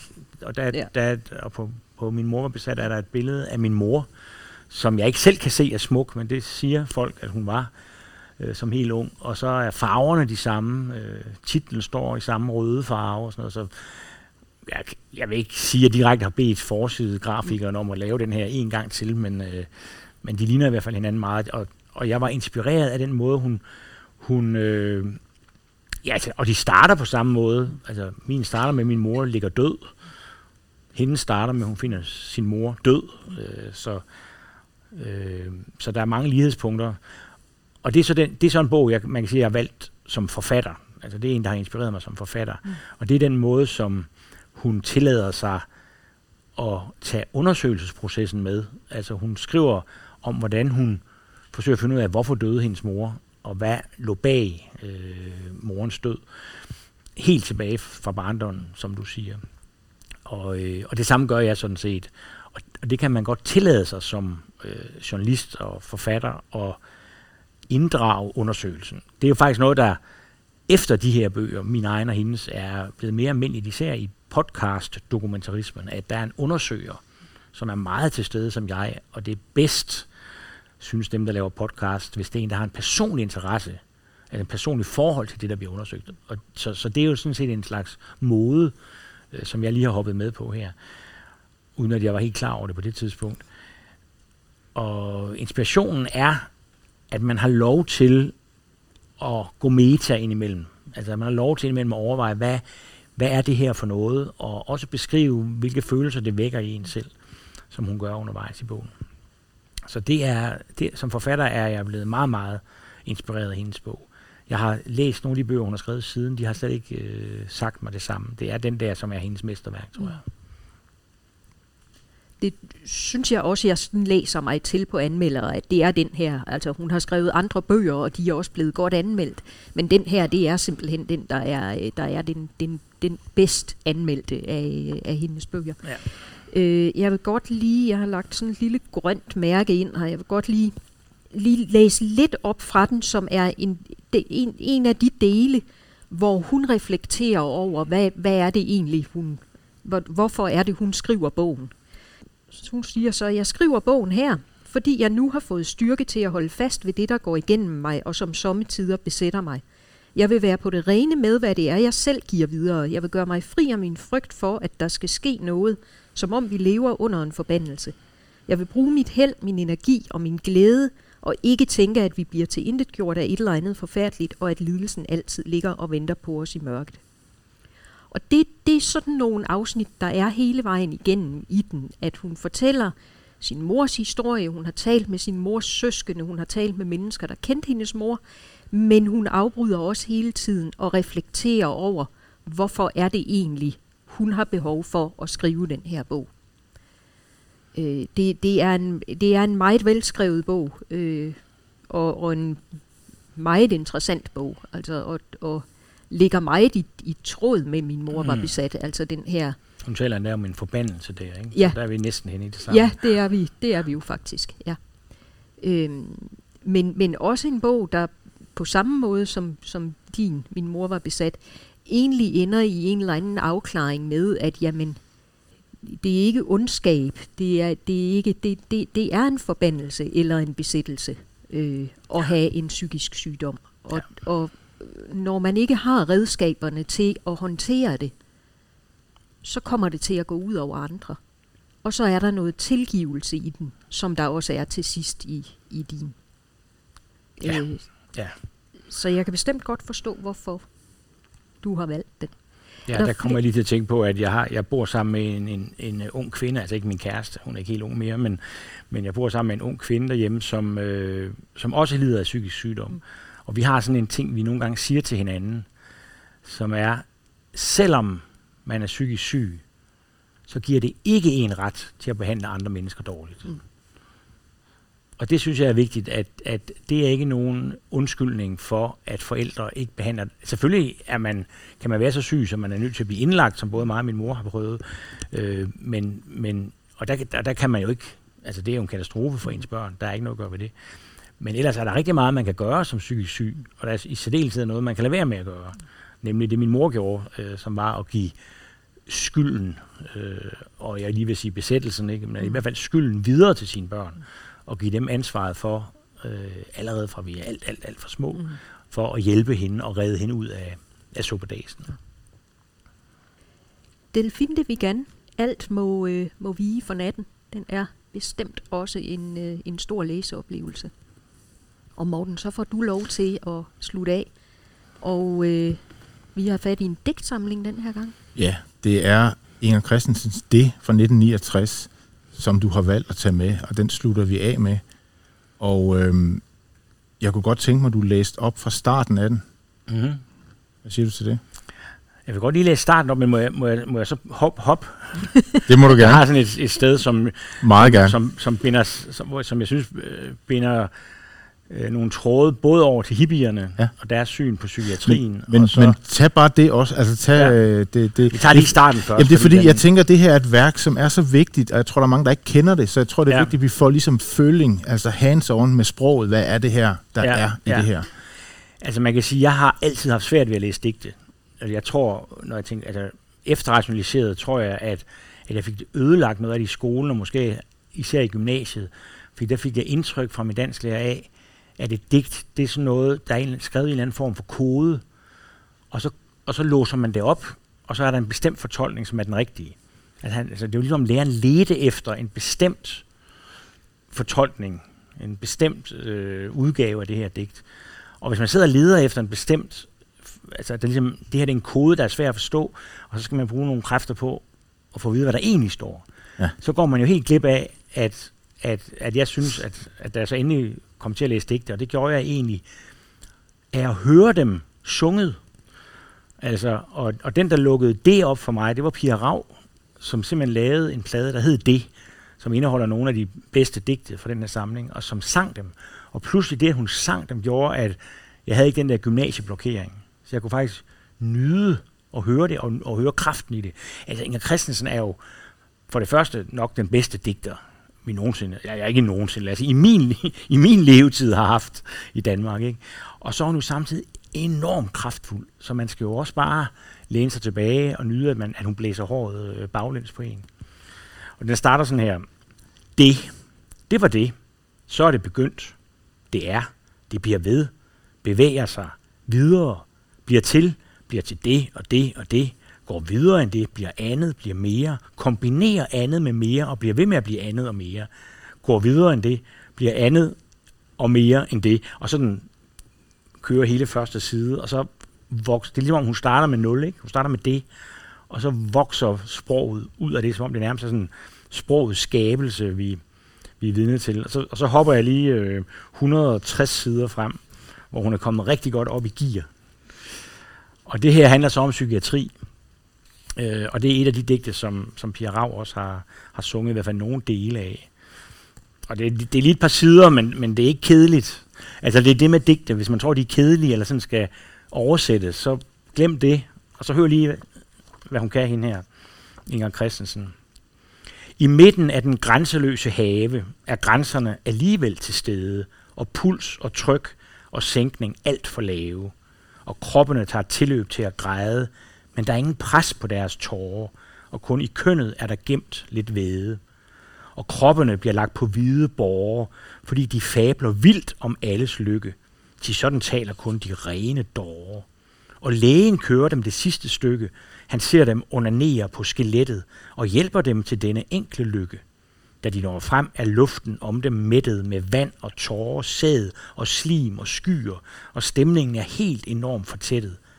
Orgasmen ryster selv normale byer. Man ser, at lægen selv har taget syre, syre af LSD, og derfor går patienterne i møde, forklarer dem den rette procedure. I grunden er vi alle sammen døde. På midten af vores bane gennem livet er livet bare grimt og dumt og øde. Vær derfor ikke bange. Det er givet det bedste, hvis vi mister perspektivet. Ja, sådan talte han og løftede kniven og skar et stykke af de store syner og lå og råbte våd og overgiven. Hey, hey, jeg er et kæmpe lyn, der lyner. En stærk elektrisk gnist fra jeres dyner. Om sider kom den første sorg til syne. Det skete på en gang på hospitalet. Et snøft som fra en gris med sænket tryne – og alle følte dette som signalet til angst og frihed, kærlighed og smerte, og oprørstrangen fyldte personalet, og de løb ud og råbte, se mit hjerte, det banker som en sætning under huden, jeg vil så gerne elske jeres smerte. Patienterne stod presset mod ruden og fulgte deres nye venners færden. De vidste, det var helt umuligt uden. De syges og besattes pres på verden. De syge små beskidte mor på verden. Det tror jeg ikke, man kan forstå. Vel? må. Det gør ikke noget, fordi man bliver inspireret af det. Jeg bliver inspireret til tre ting, det det, du læste op her, som jeg lige vil sige først. For det første, så slår du ned i den her bog på et sted, hvor der er en reference til Dantes guddommelige komedie. og jeg er stor Dante-fan, så det rammer lige ind i, i min verden. Ja. Jeg vidste det ikke. Nej, og det er jo det, der er fantastisk med det. Ja. Noget andet er, da du læser det første op, så er det som om, du ikke kan stoppe. Mm. Fordi man bliver ved. Det, digtet driver ligesom altså, til at fortsætte. Ikke? Ja. Man kommer i en eller anden form for flow, og jeg kan huske, du i den bog, du, øh, hvor du interviewede Inger Christensen, der skriver du, at du op til interviewet havde læst hele digtet i sin fulde længde. Og det har jeg ikke prøvet, men det, øh, det vil jeg da prøve på et tidspunkt, hvor jeg finder tid til det. Fordi det er jo, jeg tror, nu snakkede vi om, om mystik før, at det her er jo sådan en oplevelse, der kan måske får os lidt tættere på den her idéernes verden, eller mm. transcendente verden, ikke? fordi vi beskæftiger os med noget, der ligesom har et gear, der ikke giver mening, som du siger, men som man ligesom skal hække sig på og mm. se, hvor det fører hen. Det tredje, jeg vil sige, det er, også lidt i forlængelse af mystikken, som jeg kom til at tænke på, det er, du snakkede om, at det var ligesom en skabelse. Men vi, det, bogen starter med ingenting, og så går den ligesom i gang og skaber noget, der bliver større og større og større, og så ruller den ligesom tilbage til det her ingenting. Der er ligesom sådan en bevægelse igennem det. Og det er jo faktisk det, der er i mange skabelsesberetninger. I den jødiske, der hedder det tohu vabohu, der betyder, at man skaber noget ud af intet. Og det er jo det, der sker her. Mm. Så vi har jo faktisk at gøre med en, med en eller anden form for spirituel digt, ja. der er meget moderne i sin opbygning. Ja. Øhm, så, så ja, det var, hvad jeg tænkte om det. Og jeg, jeg kan fornemme, at, at vi kan snakke længe om den her også. Hvad vi måske ikke skal, fordi vi har snakket rigtig meget ja. om mange spændende ting. Altså, jeg vil lige nævne, at den jo er, altså det er jo et mesterværk, der vil blive stående, det er der slet ikke nogen tvivl om, men den er jo også et udtryk for sin tid. Den udkom i 1969, som du sagde.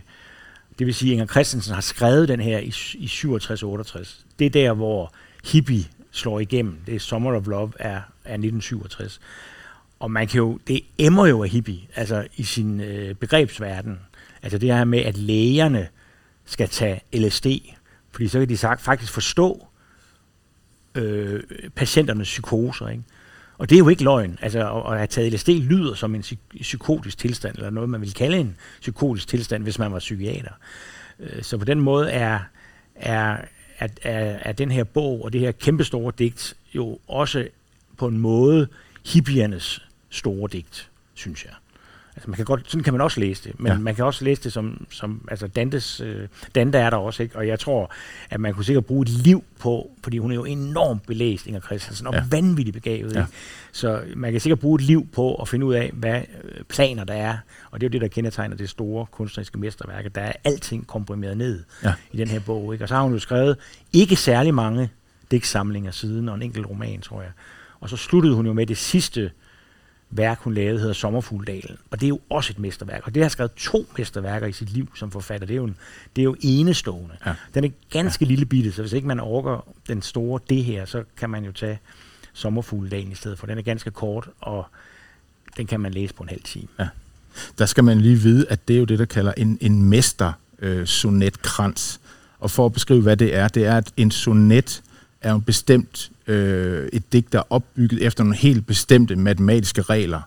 Og i, i en mester-sonetkrans, der har du starten på hvert digt. De gentages i det sidste digt. Prøv, prøv at tænke på, hvordan man skal konstruere det, så det giver en, ja, snakker vi om mening, men i hvert fald en eller anden sammenhæng. Og det er jo det, der sker med de her sommerfugle, der, der stiger op af, øh, af dalen. Ikke? Det er det er jo noget, hun, altså det tror jeg ikke nogen, altså den måde at gå til sproget på, sådan en systematik, er, øh, det er for vildt for mange, men det er meget smukt. Ja, og, og jeg var så heldig, jeg interviewede hende til den samme bog, som jeg interviewede Willy Sørensen. Den hedder Børn skal ikke lege under fuldmånen. Et digt. Det er et digt af Henrik Nordbrandt, og æret være hans minde. Øh, de er ved at være døde, de fleste af de der. Det var, min, det var mine øh, yndlingsforfattere. Jeg interviewede seks af dem.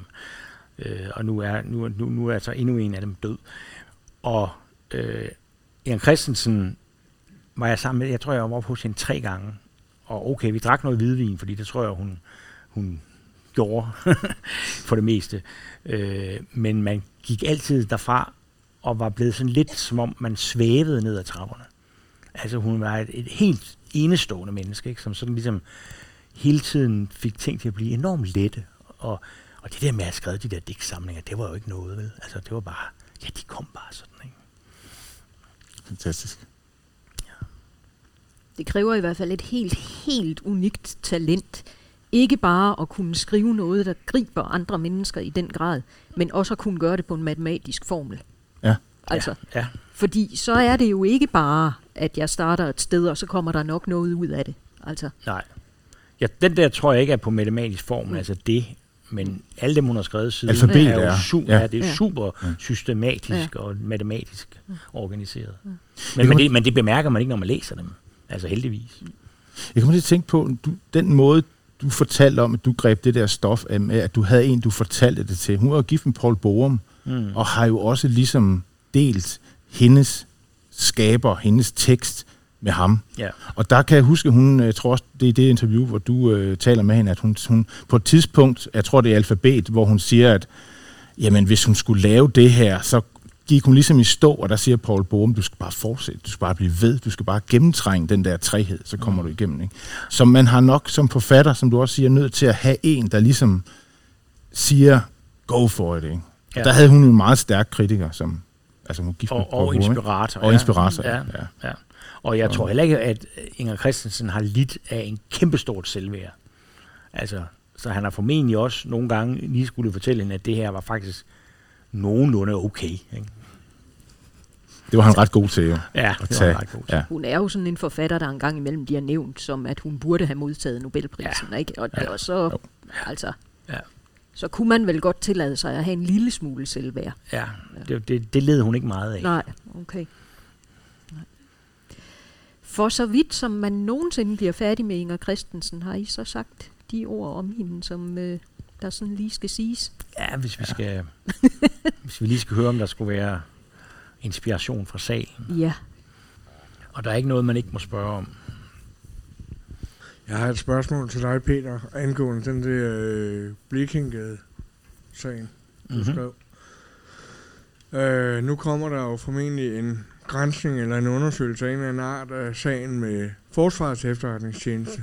Mm-hmm. Og baseret på dine egne erfaringer, da du skulle samle informationer ind om fra blandt andet politiets efterretningstjeneste om Blikingade-sagen.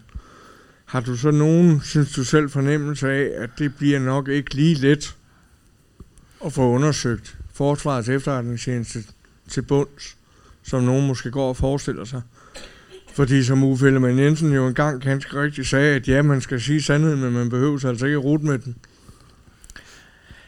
Altså nu har jeg jo faktisk selv øh, oplevet, at Blikkengadebanden efter mine bøger var udkommet, jeg tror der gik et par år, og så endte det med, at der blev lavet sådan en regeringskommission, eller ja. en, en kommissionsundersøgelse. Og den var på mange flere bind end mine to.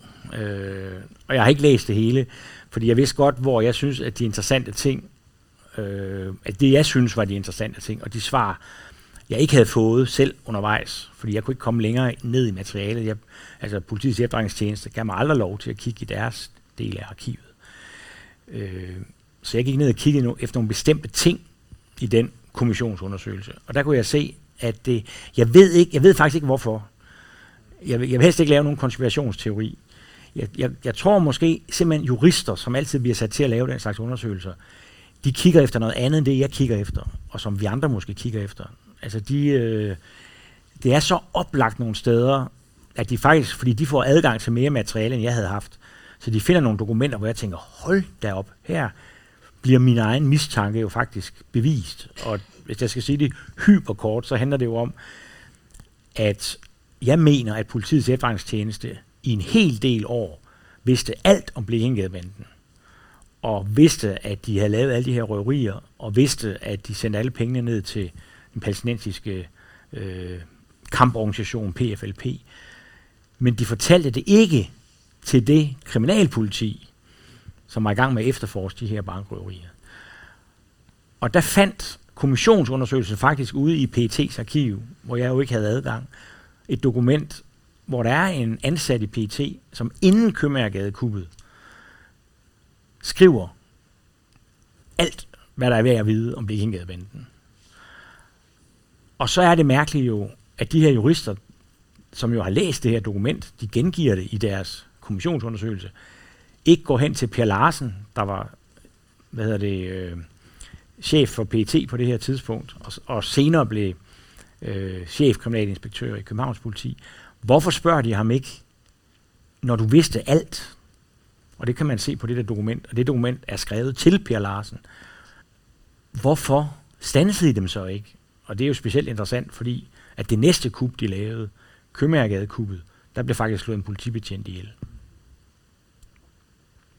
Altså, jeg er ved at skrive en ny bog, men jeg er ikke helt nået hen til at begynde at fortælle om den. Der. Det, jeg, jeg kunne næsten ikke lade være. øhm, men der vender jeg tilbage til, til, til øh, den der form for dokumentarisme, som jeg har arbejdet med før.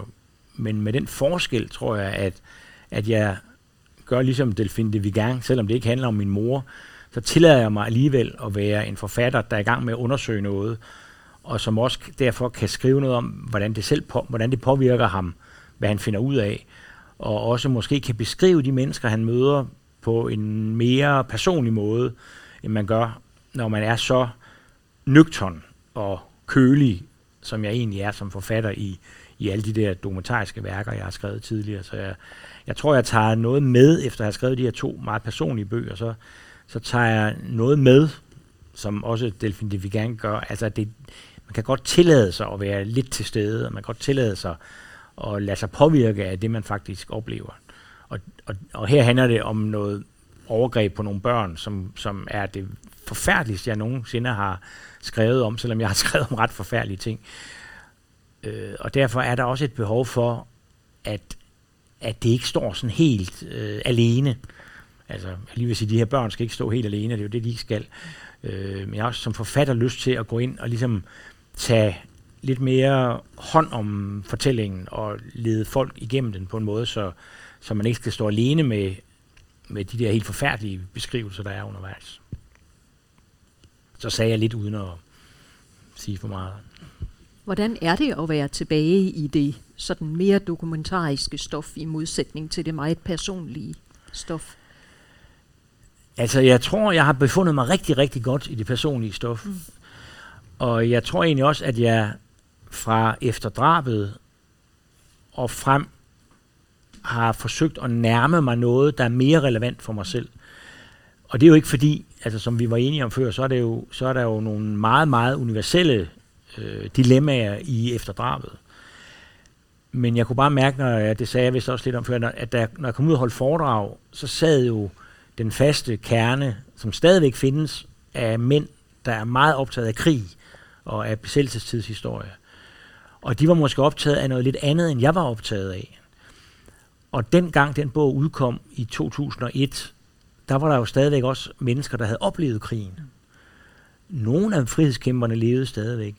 Nogle af de pårørende til de dræbte levede stadigvæk.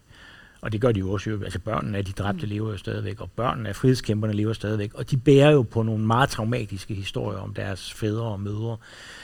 Øh, men jeg mødte nogle gange den indvending, at jeg ikke havde levet under krigen, og derfor aldrig rigtig ville forstå, hvad det vil sige. Mm. Altså, det var lidt for nemt at komme bagefter og sige, der foregik nogle forfærdelige ting her, kunne man ikke have gjort det på en bedre måde.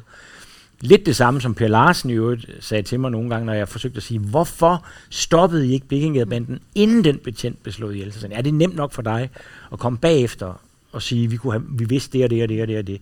Det kan godt være, at vi havde brikkerne, men vi havde jo ikke lagt puslespillet endnu for pokker. Det beviser det der dokument så, at de havde lagt puslespillet, men det er så en anden sag.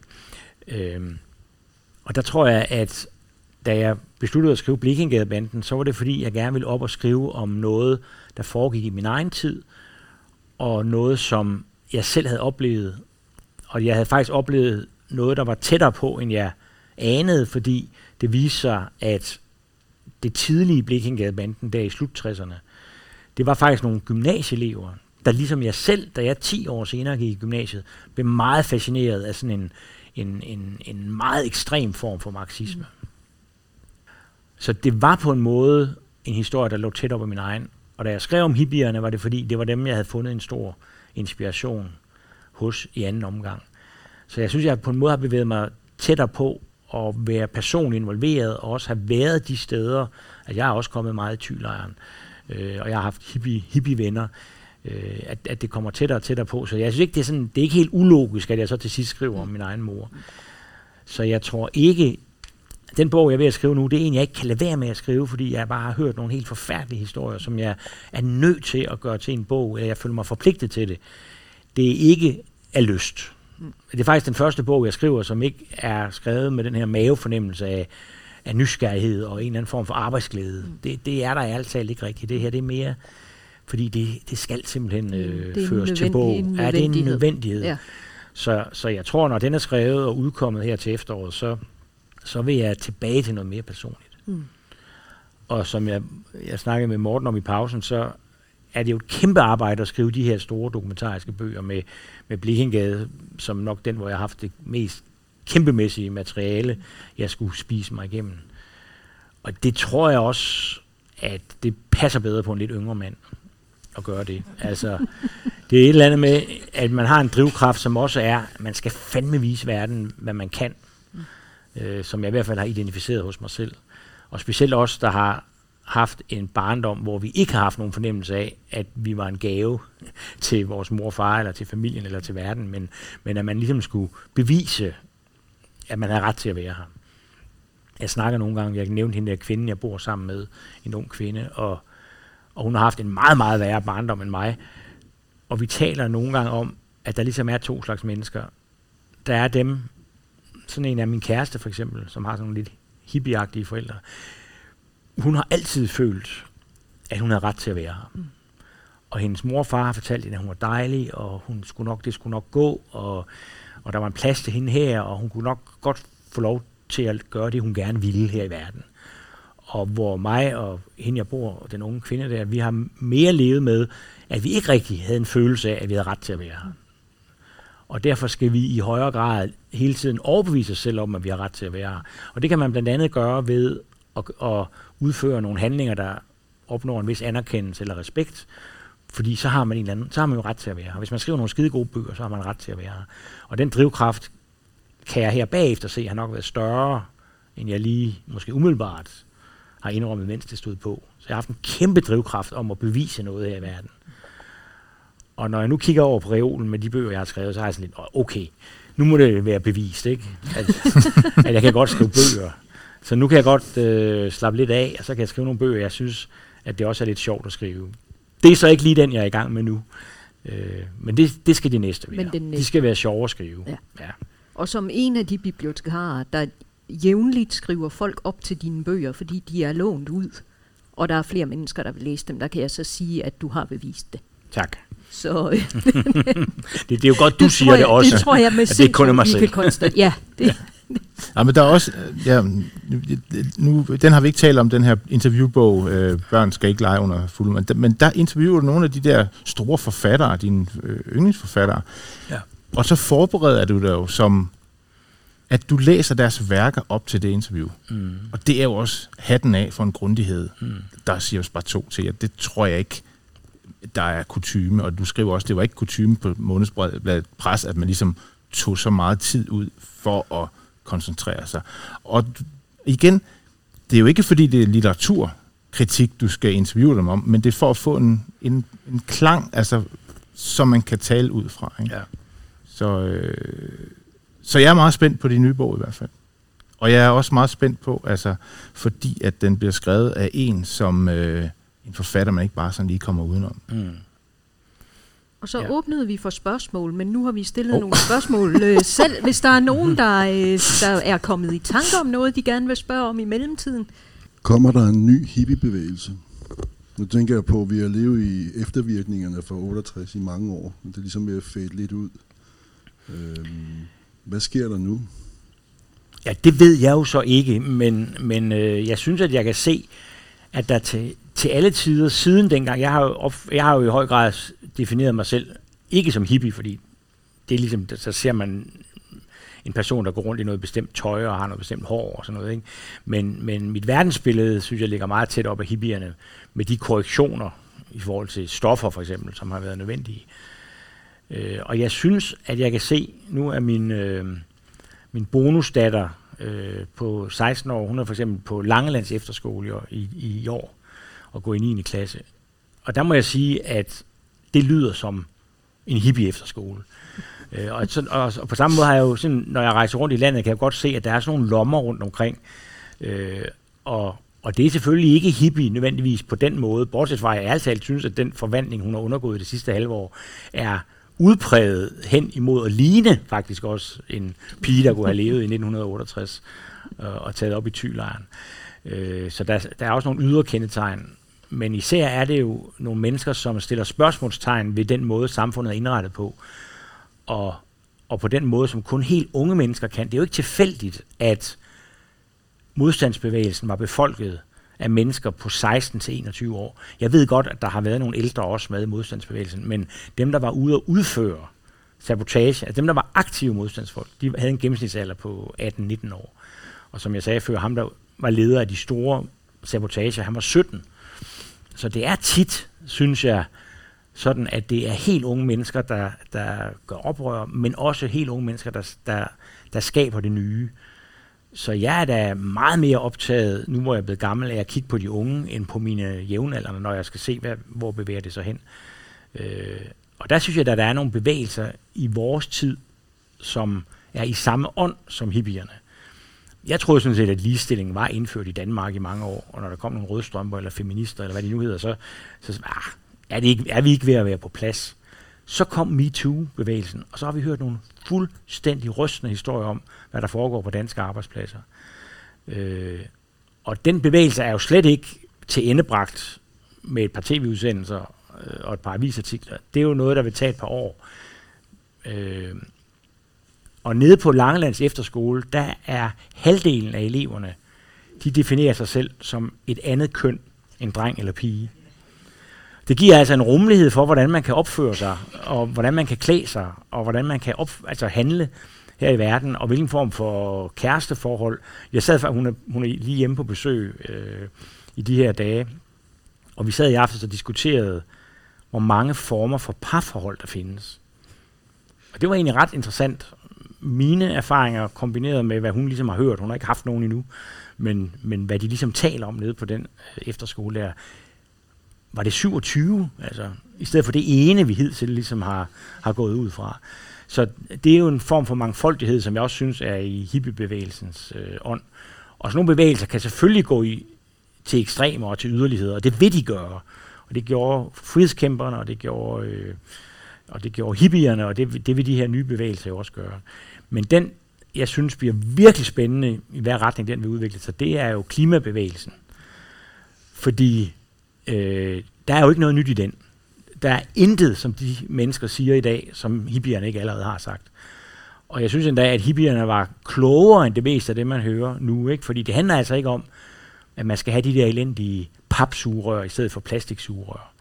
Altså, rent faktuelt er det sådan, at man bedre kan genbruge plastik, end man kan genbruge pap. Så det er ligesom sådan nogle symbolske handlinger, der ingen betydning har. Det, der betyder noget, det er jo, at vi nedsætter forbruget, og det betyder i min, i min forståelse dels, at man husker, hvad hippierne sagde, at love is all there is. Altså alt det der materielle er ikke det, som tilværelsen handler om. Og jeg kan huske, da mine forældre, da jeg måske var 15 år, fik nyt køkken, så tænkte jeg, hvorfor skal de have nyt køkken? De bliver ikke lykkeligere af det. Og de blev ikke lykkeligere af det. Og vi bliver ikke lykkeligere af de der ting. Og hvorfor finder vi os i, at Apple og dem, der laver vaskemaskiner og dem, der laver biler, de laver noget, der er indbygget til at skulle gå i stykker. Altså jeg ved, at min Mac-computer, den går i stykker i løbet af 5, 6, 7 år. Hvis jeg så går ned og vil have den repareret, så siger de, at det kommer til at koste dig 8.000. Du kan få en ny for 9. Ikke? Hvorfor skal vaskemaskinen... Altså, mine forældre havde en vaskemaskine, der holdt i, i 30 år. Nu fortæller han, når han kommer for at reparere den, at jeg kan godt prøve en gang til, men altså, den er jo 6 år gammel, ikke? så den skal jo skiftes nu. Så, og, og, så der synes jeg da, at hippierne, de allerede fortalte os, at vi er ved at ødelægge moder jord, ikke? og lad os nu dyrke noget kærlighed i stedet for alt det der materielle. Det var jo også en antimaterialistisk bevægelse, det kaldte de sig selv. Øh, og det tror jeg da, hvis det går godt, så bliver det ikke sådan en forbudsbevægelse, klimabevægelsen, hvor der er en hel masse ting, vi ikke må. Så bliver det en bevægelse, hvor vi begynder at finde ud af, hvad der er det vigtige. Og det er jo så kærligheden. Og hvor vi kræver, at vi vil, have nogle, vi vil, vi vil købe nogle varer, der, der dur i 25 år. Jeg har en radio derhjemme, som min far købte, inden at jeg blev født. Og nu er jeg 61 år, ikke? så den må jo være endnu ældre. Og den virker stadigvæk. Er der noget, vi køber i dag, som vil virke om 61 år? Nej, det er der sgu ikke. Nå, men det var en kæphest, der lige redde ind i lokalet her. Så jeg synes, at der er masser af det, som hippierne stod for, som stadigvæk er i spil, og som stadigvæk er med til at gøre vores, potentielt at gøre vores liv til et øh, kærligere liv. Øhm, jamen det er mest bare en, en kæmpe anerkendelse til dig af, at jeg har ikke læst hele dit forfatterskab, men nu gik jeg lige ned og sugede den her på en hylde. Men jeg synes, at med Blikkingegadebanden og med øhm, øh, Efterdrabet, øh, som er dem, jeg har læst, at, at det er så fascinerende, at du har sådan et skarpt blik for de steder, hvor det gør ondt. Øhm, altså det der med gråzonerne er blevet nævnt, og, og, og, og det bliver så interessant, at det ikke kun er historien om, det bliver ikke kun en kriminal historie om noget spænding med, at de render rundt og prøver nøgler i alle opgangene, men det bliver en historie om nogle valg, man træffer, og, og, øh, og de holder mund for at dække over hinanden, og, og øh, er det okay, at bliver man medskyldig, når ens mand er ude hver anden øjeblik og laver mærkelige ting og kommer hjem og sådan, altså, der, det, det er... Øhm, det siger noget om, det, det der er rosen, tror jeg, at det siger noget om at være menneske. Alle mulige hjørner er at være menneske, selvom jeg jo ved Gud ikke var med i Blekingegadebanden. Eller, altså, øh, så, så det synes jeg bare er så fint gjort, fordi der der er masser af dokumentarisme, som kan være spændende nok om store begivenheder i vores samfund, men jeg synes, du får sådan en fantastisk vinkel på det, øhm, som gør, at der kommer filosofisk eller medmenneskeligt lag i det, som bare er rigtig, rigtig fint. Så jeg glæder mig til mere af det. Tak. Ja, velkommen. Og der vil jeg jo sige, at det er jo ikke, det er jo ikke fordi jeg er super filosofisk. Det er jo fordi, tror jeg, altså at du kan læse det på den måde. Det er fordi, at jeg gør det, jeg, jeg snakker med Morten om før, at jeg, jeg er optaget af, hvad jeg selv synes er interessant. Og jeg synes jo ikke, at, altså jeg synes hverken, at, at besættelsestidshistorie eller 1960'er historie eller sådan noget er interessant i sig selv. Altså jeg har altså ikke, ikke noget ønske om at beskrive de de faser i Danmarks historie. Jeg er jo ikke, jeg er jo ikke sådan Danmarks historisk interesseret. Jeg er interesseret i det hvor det, hvor det bliver menneskelige dilemmaer, jeg, hvor jeg selv bliver øh, i tvivl om, hvordan jeg vil have handlet. Altså hvis ikke, øh, hvis ikke læseren bliver i tvivl, så, så synes jeg, at jeg er fejlet. Ikke? Altså hvis man, hvis man kan læse Blikkingadebanden, og så enten synes, at de var bare nogle benhårde kriminelle, som skulle øh, spæres ind resten af deres liv, eller synes, at de var nogle kæmpe store helte, som gjorde alt det rigtige. Altså hvis, hvis man kan læse den, og så havne i en af de to kasser der, så har jeg ikke lykkedes vel. Jeg vil gerne have, at man er i tvivl om, altså hvad fanden var de egentlig for nogen? De tog aldrig nogen af de millioner. De tog ikke en krone af de millioner, de stjal. Vel? men samtidig ødelagde de menneskers liv og slog en betjent ihjel. Ikke? Er der flere spørgsmål? Jamen, så tror jeg egentlig, at jeg vil, jeg vil lige fange i farten den bevægelse, Morten lavede, da, da du, Peter, sad og snakkede om, at uh, hvor meget køber vi i dag, der stadigvæk holder om, uh, om 30 år. Og jeg synes sådan set, vi har haft to timer nu, hvor vi har haft en samtale om noget, vi køber i dag, og som stadigvæk holder om 30 år. Det er rigtigt. Vi er uh, omgivet af det her på min og Mortens fantastiske arbejdsplads. Øh, og det er selvfølgelig ikke bare de fysiske bøger, det er alle de tanker, der er gemt i dem, og alle de dilemmaer, der er gemt i dem, øh, og alle de ting, som blandt andet du beskriver fantastisk i dine bøger, om at være menneske, og om at, at leve i gråzoner. Så øh, det skal være udgangsreplikken i aften. Vi øh, vil gerne sige mange tak. Øh, og mange tak til dig, Peter. Tak for besøget. Tak for en rigtig, rigtig spændende samtale. Jamen selv tak. Det har været virkelig spændende at gå på tværs på den måde.